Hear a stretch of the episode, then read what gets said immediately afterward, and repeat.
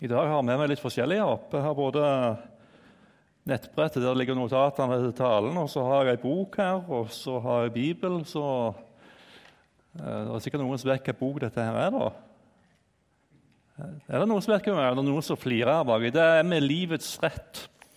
Um, det er ei bok om Bergens Indremisjon sitt uh, 100-årsskrift. Og Der står veldig mye interessant. Og Det skal dere få høre litt ifra seinere i dag. Uh, men uh, vi skal ikke starte der. Um, jeg tenker noen ganger når vi når vi skal høre forkynnelsen fra Guds ord, så er det, det er litt forskjellige typer forkynnelse som også kommer fra talerstolen her. Noen ganger er det et veldig sterkt fokus på, på Jesus, der vi virkelig får eh, se han, glede oss over han. Andre ganger så er det forkynnelse til rettledning og veiledning. Andre ganger så er det forkynnelse der vi blir grunnfesta i, i, Guds ord.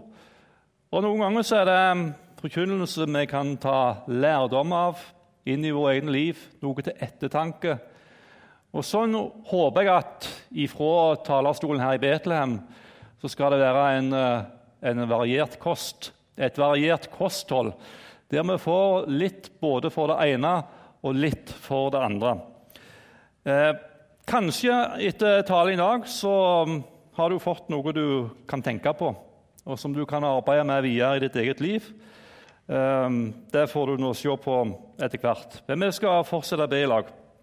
Herre Jesus Kristus, jeg takker og priser deg for at du er ikke en gud bare for historien. Du er en gud for nåtida. Du er en gud inni mitt liv. Du er en gud inn i de små barna sine liv og du er en Gud inn i de godt voksne sitt liv, Herre. Og Det takker jeg og priser deg for. Og så ber jeg om at vi kan uh, få være det du har tenkt at vi skal være, um, og at vi kan få lov til å følge etter deg i de ulike generasjonene som er i. Herre Jesus, det ber jeg om i ditt navn. Amen. Eh, før vi leser noe fra Bibelen, så, jeg, ehm, så har jeg lyst til å fortelle en liten historie. Og Det er ikke en historie som jeg har hørt. Den er litt sånn eh, eh oppdikta. Men det er ting som uh, en kan ta litt herifra og litt derifra, og så får du bare høre etter.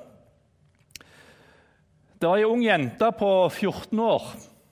Uh, la oss kalle henne Louise. Hun fikk et møte med Jesus som forandra hennes liv.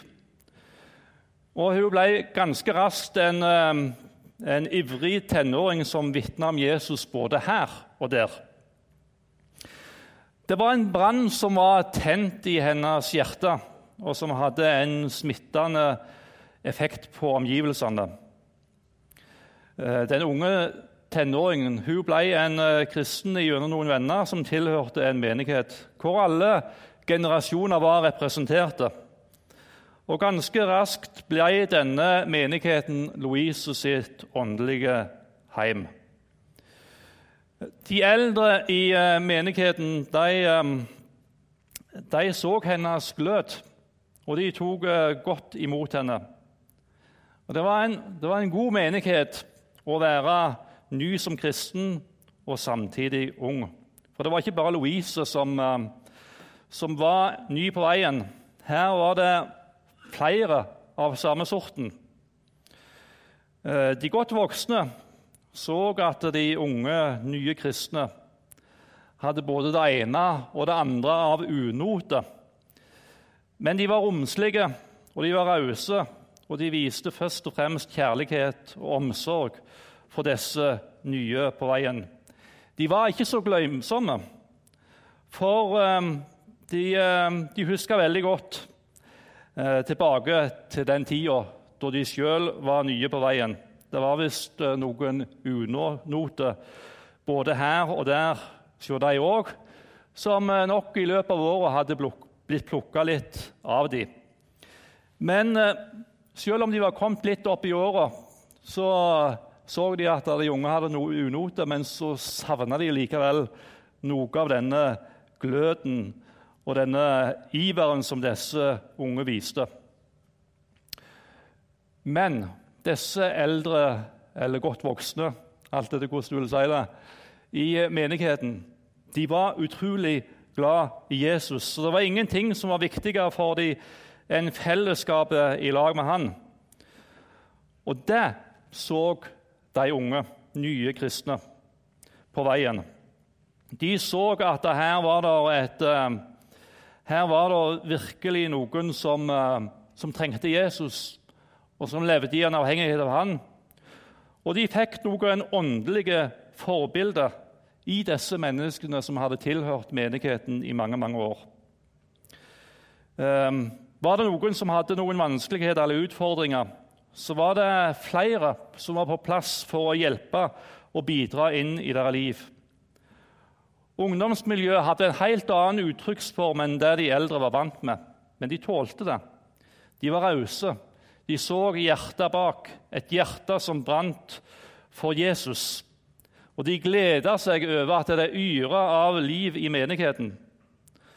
Så hendte det også at noen av disse mødrene og fedrene de tok disse unge til sides, og så ga de noen gode råd og vink på veien. På denne måten så vokste disse unge kristne opp til modne unge kristne, som fikk stor betydning for denne menigheten sin vekst, som viste seg i de årene som kom. Og Louise hun ble etter hvert ei dame som fikk stor betydning. Hun ble en evangelist som eh, gjorde at mange ble kristne. 20 år etter så hadde medlemstallet blitt fordobla. Mange av disse godt voksne i menigheten var gått bort. Nå var det de som for 20 år siden var nye på veien. Nå var det de som var åndelige mødre og fedre for en ny, oppvoksende generasjon. Selv om mange av disse eldre menneskene nå var gått bort, så glemte de aldri å takke Gud for, at disse eldre, for det disse eldre fikk bety inn i deres liv i en fase av livet som var veldig sårbar. Hvorfor forteller jeg denne historien her? Jo, fordi jeg er overbevist om at generasjonene trenger hverandre. Gud, han er alle generasjoners Gud. Og den Gud som er generasjonens Gud, han blir formidla videre ifra en generasjon til den neste generasjon. I eh, Salme 78, og vers 3 og 4, så står det Det vi har hørt og vet, det våre fedre har fortalt oss, det vil vi ikke skjule for deres barn. For den kommende slekt vil vi kunngjøre Herrens pris og Hans styrke og de undergjerninger som Han har gjort. Dette gjelder mellom foreldre, barn og barnebarn. Men det gjelder også inn i et kristen fellesskap, der vi har hørt. Vi må ha hørt det en plass ifra. Jo, vi har hørt det ifra våre fedre. Det vil vi ikke skjule for den kommende slekt. Hva er det vi ser her? Jo, det er tre ulike generasjoner. En generasjon som står midt i, som hører noe fra sine fedre, og som forteller videre til sine barn.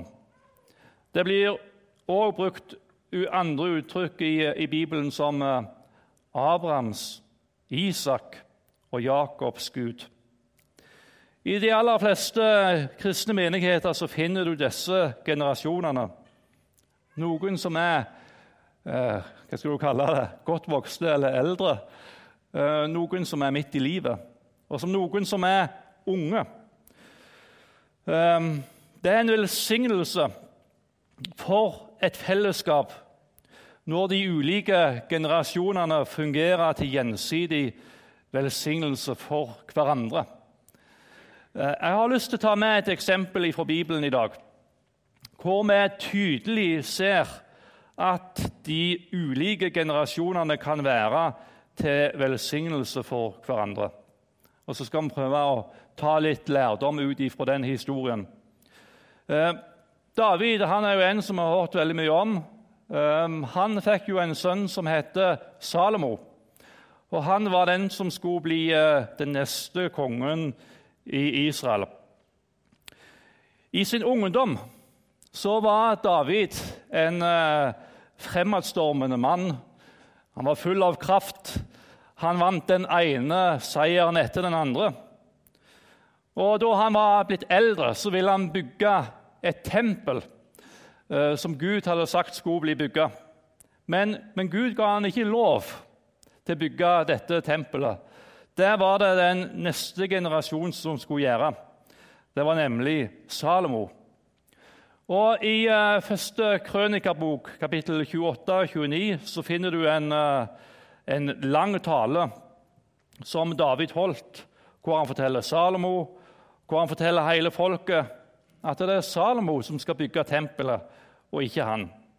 Og Jeg har lyst til å ta med noen glimt fra denne talen og så tenk på, mens vi tar en liten uh, vandring gjennom disse, denne talen som, uh, som, David holdt for folket og for Salomo Tenk på hvordan det har vært for Salomo å høre det som David her sier. Um, og så ser du veldig tydelig at her er det en Det er ikke et brudd mellom generasjonene, men det er en linje ifra den ene generasjonen til den neste generasjonen, og som er til velsignelse både for Salomo og for David. Og Så ser vi at noe av det første som eh, David sier til Salomo, det er faktisk noe som er veldig viktig. Eh, da står det i vers 9.: Og du, min sønn Salmo, lær din fars Gud å kjenne, og tjen ham helhjertet og villig. For Herren ransaker hvert hjerte og kjenner alle tanker og planer. Søker du ham, la han seg finne. Men vender du deg fra ham, vil han støte deg bort for alltid. Hva er det viktigste for som David formidler videre til Salomo?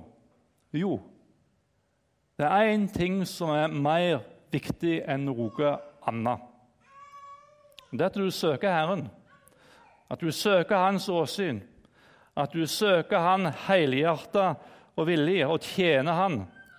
Det er det aller viktigste for deg, David.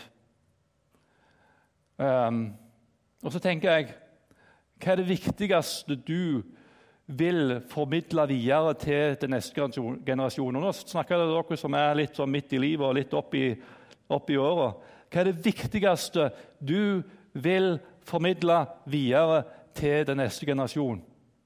Her har du et, et, et svar ifra hva David formidla videre til sin sønn Salmo. Søk ut. Søk ut. Lær han å kjenne. Tjen han helhjertet og villig. Det er det aller viktigste. Så ser vi videre at um, at han, eh, han David han oppmuntrer, han oppmuntrer Salomo. Han trykker han ikke ned, men han oppmuntrer han. Du har et, uh, hadde jo et svært arbeid. Det var jo ikke noe småtteri dette her tempelet han skulle bygge. Det var noe svære greier. Uh, det var stort, og det var voldsomt, og det var noe som tok mange år. Og Så sier David til, til Salmo.: Innse nå at Herren har utvalgt deg til å bygge et hus for helligdommen. Vær sterk og gå til verket. Ehm, selv om eh, denne, denne byggingen av dette tempelet var en svær oppgave, så skulle han innse at han hadde fått det ærefulle oppgave å føre denne tjenesten for Gud, som tempelet var, en tjeneste for Gud der Gud kunne få lov til å møte folket, og der folket kunne få lov til å møte Gud. Ehm, det var en svær oppgave. En, eh, hvis, du, eh, hvis, du, tenker at du var en, eh, en ung mann, som nok Salomo var, Da står jo at um, David beskriver han som en ung og uerfaren mann. Uh, så må det ha vært ganske tøft å gå inn i den oppgaven der. Men, men så sier David at du skal innse at det er du. Du skal gjøre det. Du skal være den som uh, er med på denne store oppgaven. Det er nettopp du som har fått denne ærefulle oppgaven. Så ser vi at, at, at David står, og så heier han Salomo fram. Ser du noe av hjertet som ligger bak David her? Og i um, um, Og så Hvis vi tar neste bilde Og så formidler han Guds ord til ham. Uh, I vers 11-19 så, står, så gir David Salomo en detaljert beskrivelse av hvordan tempelet skulle se ut, nøyaktig slik som Gud hadde sagt det. Han la ingenting til, og han trakk ikke noe fra. Men han formidla videre det som Gud hadde formidla til David. Sånn var det tempelet skulle være. Punktum finale. Av og til kan vi jo bli frista til å legge noe til denne boka her. Og vi kan være frista til å trekke noe ifra, for at det passer oss best. Og Jeg tror det er så enormt viktig når vi skal, når vi skal, når vi skal gi noe inn i den neste generasjonen. Jeg, jeg begynner snart å komme midt i livet, tro det eller ei. Jeg tenkte på det når jeg så, så det og forberedte meg. Jeg er, jo, jeg er jo passert 40 år. Eh, så jeg begynner jo å nærme meg midt i livet. Jeg er sikkert midt i livet, jeg vet ikke. Det vet Gud bare, da. Men, eh, men hva er det vi ønsker å gi videre til den generasjonen som kommer etter? Jo, vi ønsker å gi videre Guds ord. Og så skal vi være forsiktige med å legge noe til. Og så skal vi være forsiktige med å trekke noe ifra. Men gjøre vår ytterste, ytterste på å formidle videre denne boka her. For det er den boka som har bærekraft i seg når livet stormer. Det er den boka som har bærekraft når det går opp og ned i menighetslivet òg, og i forsamlingslivet. Det er den boka vi skal formidle videre til den neste generasjon. Um, det neste vi ser i, uh, i, um, i um, Som jeg har lyst til å si noe om Det er mange ting jeg kunne sagt om denne historien, her, men vi ser videre at han kommer med en ny oppmuntring. Uh, David kommer med en ny oppmuntring til David i vers 20 i kapittel 28 i første krønikerbok. Så sa David til sin sønn Salmo.: Vær modig og sterk og gå til verket. Vær ikke redd, og mist ikke motet, for Herren Gud, min Gud, er med deg. Han vil ikke slippe deg og ikke forlate deg før du har fullført alt som skal gjøres for tjenesten i Herrens hus. Det var mange oppmuntringer som eh, David kom med til, til Salomo, og han trengte det. Han trengte oppmuntringer til den oppgaven han skulle gå til. Og Jeg tror det er noe som eh, den eh, unge, nye generasjoner av nye kristne, eller folk som har vokst opp i en kristen heim og fått møte Jesus i, i tenåringer som sin personlige frelse her i sitt liv, så jeg tror det er noe de trenger. De trenger å ha noen som har tro på dem og Det er det vi ser i uh, Davids sitt, uh, møte med Salmo. Han hadde tro på David, at Gud kunne få lov til å gi til David det, Gud kunne få gi til Salomo det Salomo trengte for sin tjeneste. Han skulle være modig, han skulle være sterk, og han skulle gå til verket, for Gud han var med han. Og så gir han videre oppmuntrende ord som gjør at han kan gå inn i denne store oppgaven som det var til å bygge dette tempelet. Um, det neste vi skal si noe om, hvis du får neste bilde, uh, at David han, han, ikke bare sa OK, uh, nå, er jeg, uh, nå er jeg ferdig. Nå er jeg ferdig med min tid her nede på jord, så nå, nå Salomo, ligger alt klart for deg. Du kan bare gå i gang. Nei, hva står det at han gjør? Av all min kraft har jeg gjort forberedelser til min Guds hus. I glede over min Guds hus vil jeg også gi deg det jeg selv eier av gull og sølv til min Guds hus, foruten alt jeg har skaffet til veie for helligdommen. Ikke bare ga han videre instruksjonene og sa nå er jobben din, men han la alt til rette for at oppstarten av byggingen av tempelet skulle gå så, så smertefritt som det kunne gå.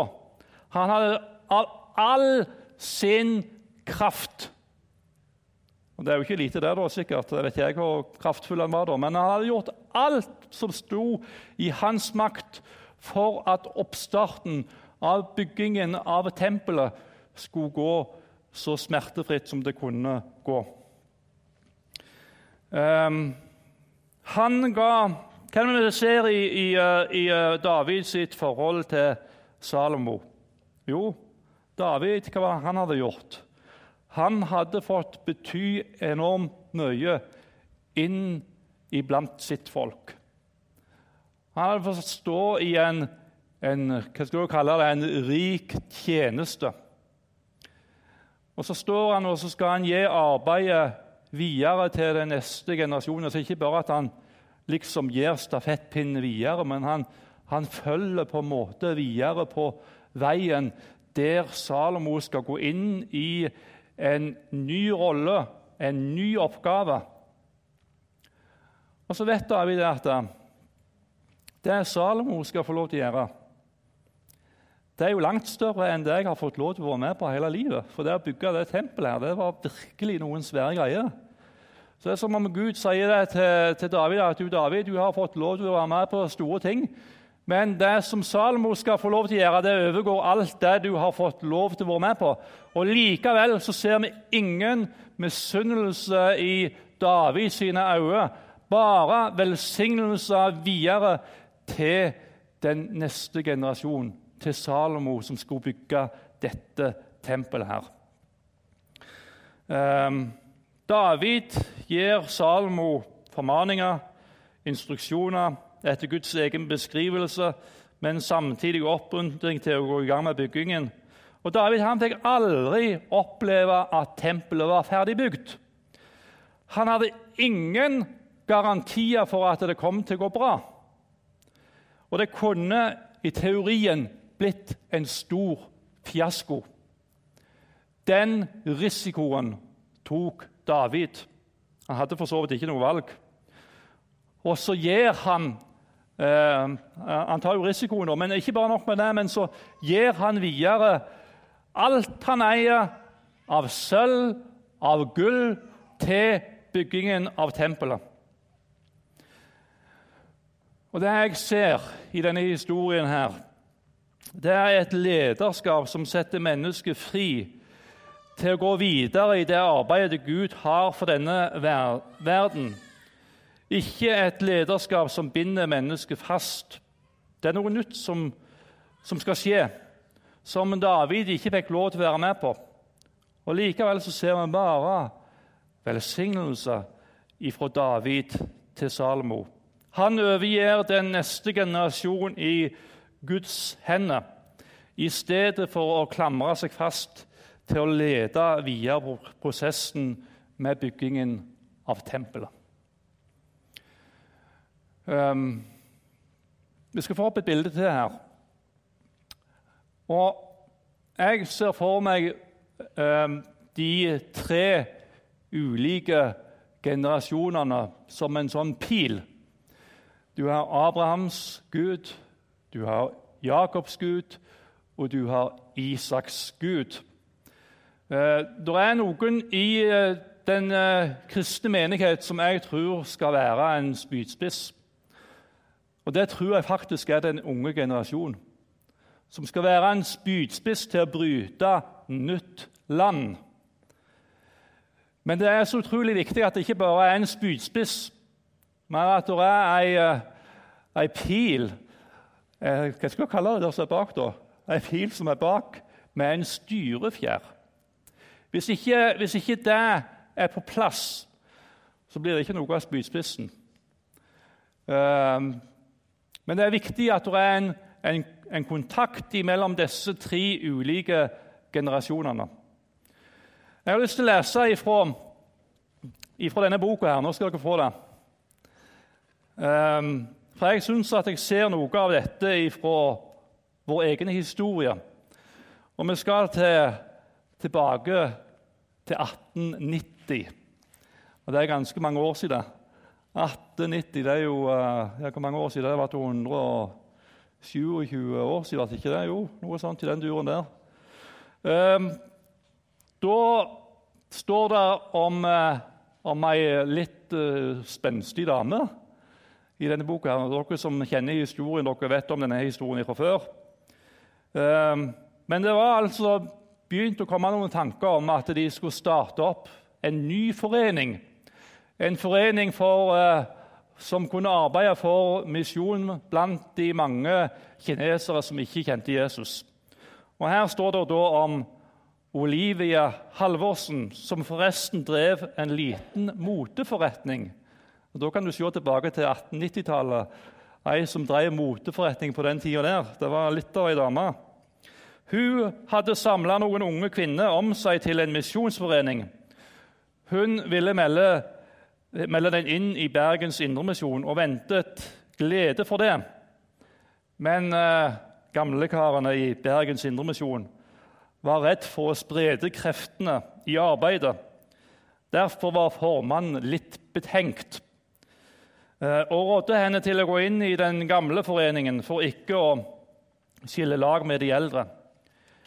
Men de unge ville helst samles for seg selv. Da Sivert Gjerde talte, tentes misjonsilden i den unge foreningen. Olivia Halvorsen var en ivrig og ildfull av natur.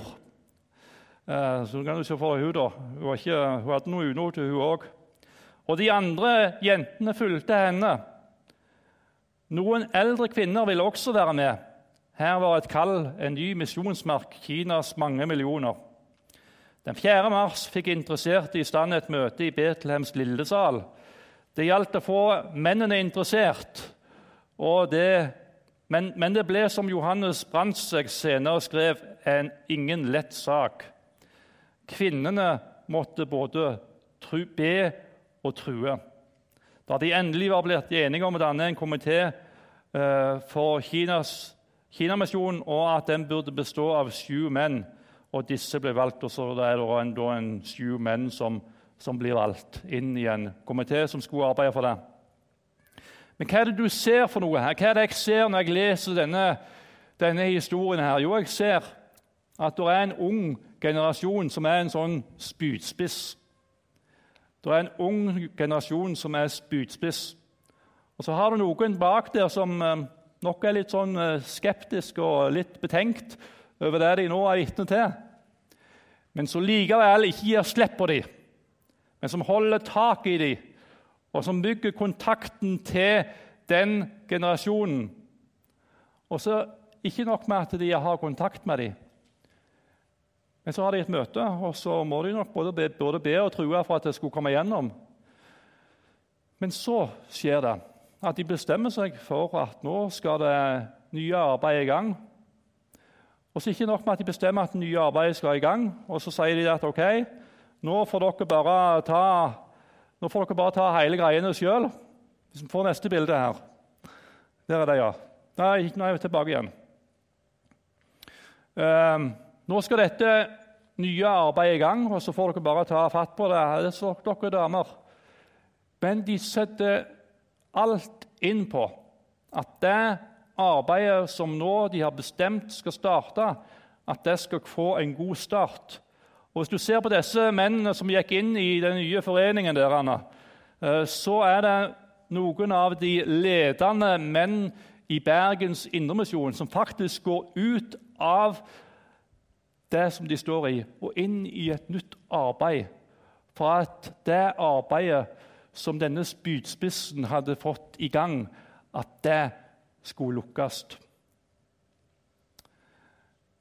Jeg tror at um, vi trenger jeg, jeg, tror vi har noe å lære av våre forfedre inn i vår tid, inn i våre egne liv og inn i vårt arbeid og i vår forsamling.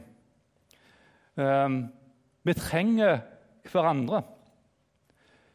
Vi trenger noen spydspisser, noen som er med og bryter nytt land. Og som regel, hvis du ser på kirkehistorien, så har det vært unge, fremadstormende menn som, og kvinner som nok hadde sine unoter, men som gikk på med en iver og en lyst som, eh, som gjorde at de fikk lov til å bety mye inn i andre menneskers liv. Eh, men hvis disse spydspissene skal få vokse opp i vår fellesskap, så trenger vi å gi dem rom. Vi trenger å gi dem rom der de kan få lov til å utfolde seg både inn i et kristen fellesskap og inn i et arbeid. Hvis de ikke får det rommet, så tror jeg disse spydspissene forsvinner ut. Men de kan få mye å bety inn i et arbeid og inn i et fellesskap der de kan få være med og bety mye inn i andre menneskers sine liv. Um, hvis du ser på dette treet her, så er det noen røtter. Det ser vi ikke på bildet her. da. Så er det en stamme, og så er det noe som, som noen sånne blad. Av og til er det noen uh, både frukt og det ene på, på, på tre. Um, jeg tror vi trenger noen røtter. Noen som binder fast. Vi trenger noe som uh, kan løfte opp. Og vi trenger òg noe som kan få lov til å være med og bære frukt. Det må være en sammenheng mellom røttene og stammen og resten av treet for at det virkelig skal få lov til å bli noe som uh, kan bære frukt. Og Sånn tror jeg òg vi trenger de uh, hvis du ser for deg disse røttene som de, de godt vokste, som kan gi stabilitet og som kan gi styrke når det stormer og blåser, og vi kan se for oss den midtre generasjonen, den midtre delen av stammen, som er noe som kan være med og løfte en ny generasjon opp. Og så ser du disse som da er med og bærer frukt inn i et kristent fellesskap. Da jeg var 13 ehm, år, så møtte jeg Jesus som min personlige frelser og herre i mitt eget liv. Jeg husker det veldig godt. Og ganske snart så begynte jeg å Jeg var ikke Hva er det, hva er det søsteren min sier da? At jeg var jo ikke redd for noen ting. Eh, jeg durte på som, eh, som en galning og fortalte om Jesus både her og der. Og hun var jo, Søsteren min hun er jo en to år eldre enn meg, og hun var jo rent flau av meg av og til for at jeg var, var så voldsomt ivrig. Og inn i dette her, Anna, der jeg var veldig ivrig, så var det en, en, en, en predikant uh, som uh, en gang kom bort til meg. Så sa han at um, du, du, du Glenn, eh, du har ikke tenkt på om du skal ut og, og forkynne Guds ord. Så sa jeg at jeg, jeg, har nå, jeg har nå kjent litt på det, sa jeg til han. Og så sa han bare Ja, da skal jeg be for deg. Jeg skal be om at Gud må få lov til å lede din vei videre. Og så gikk det noen år, og da jeg var 19 år gammel, så reiste jeg fra kjente omgivelser nede på Varhaug opp til Nordmøre. Begynte å reise rundt som predikant der. Men han som da jeg hadde en prat med eh, for noen år tilbake i tid, han var ikke lenger iblant oss. Han var død. To år, Jeg sjekka det opp nå før jeg eh, skulle på talerstolen her i dag. To år før, eh, før eh, jeg begynte å reise rundt som predikant, så døde han.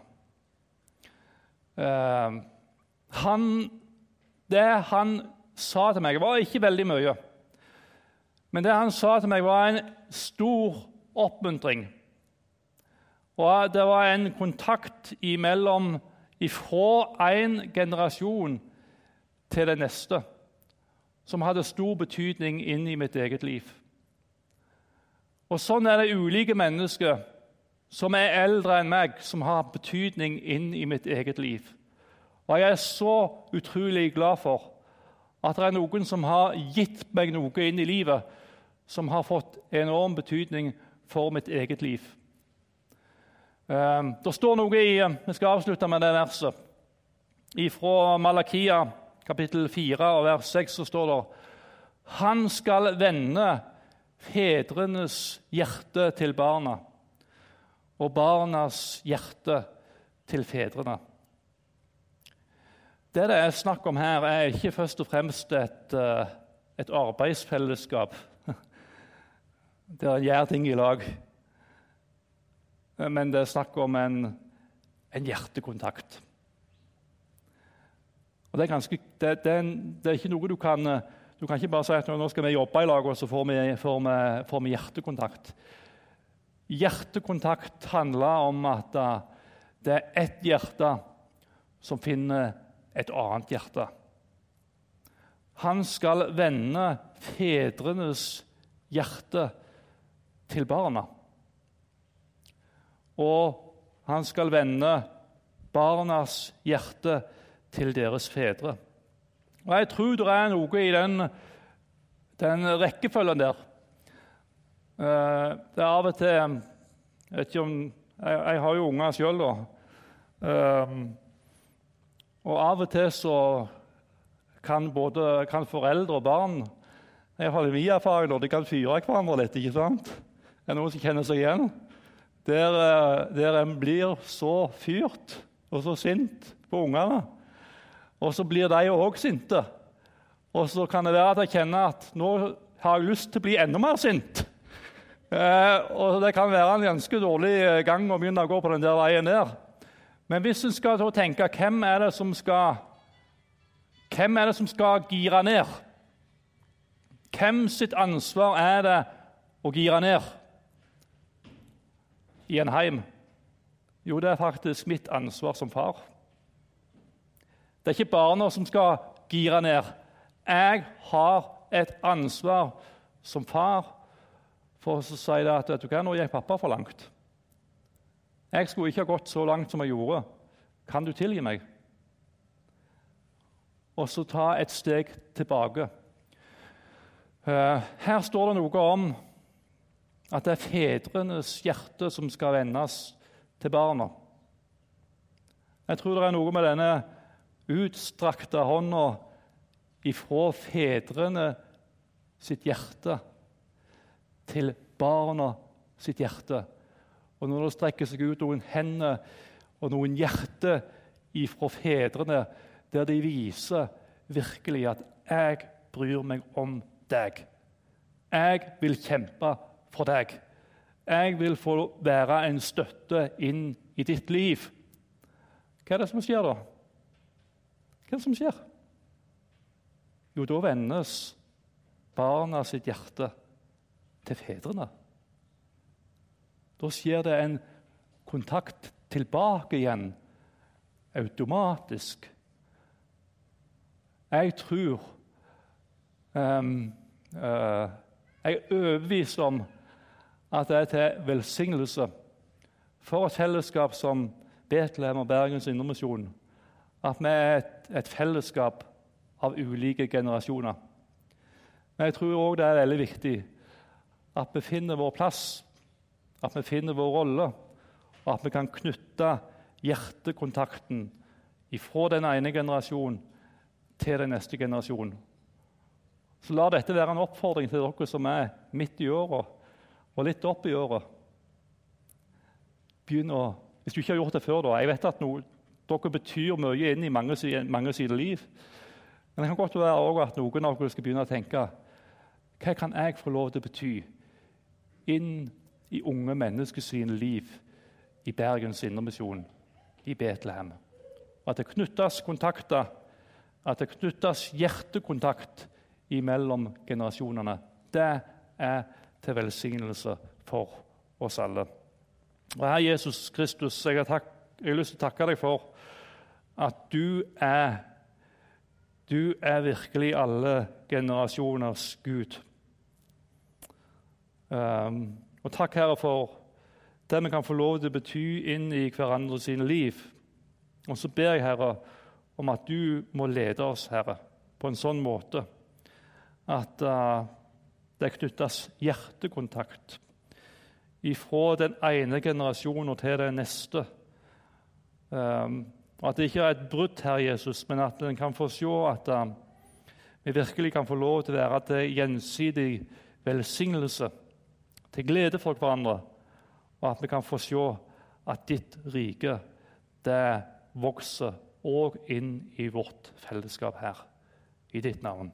Amen.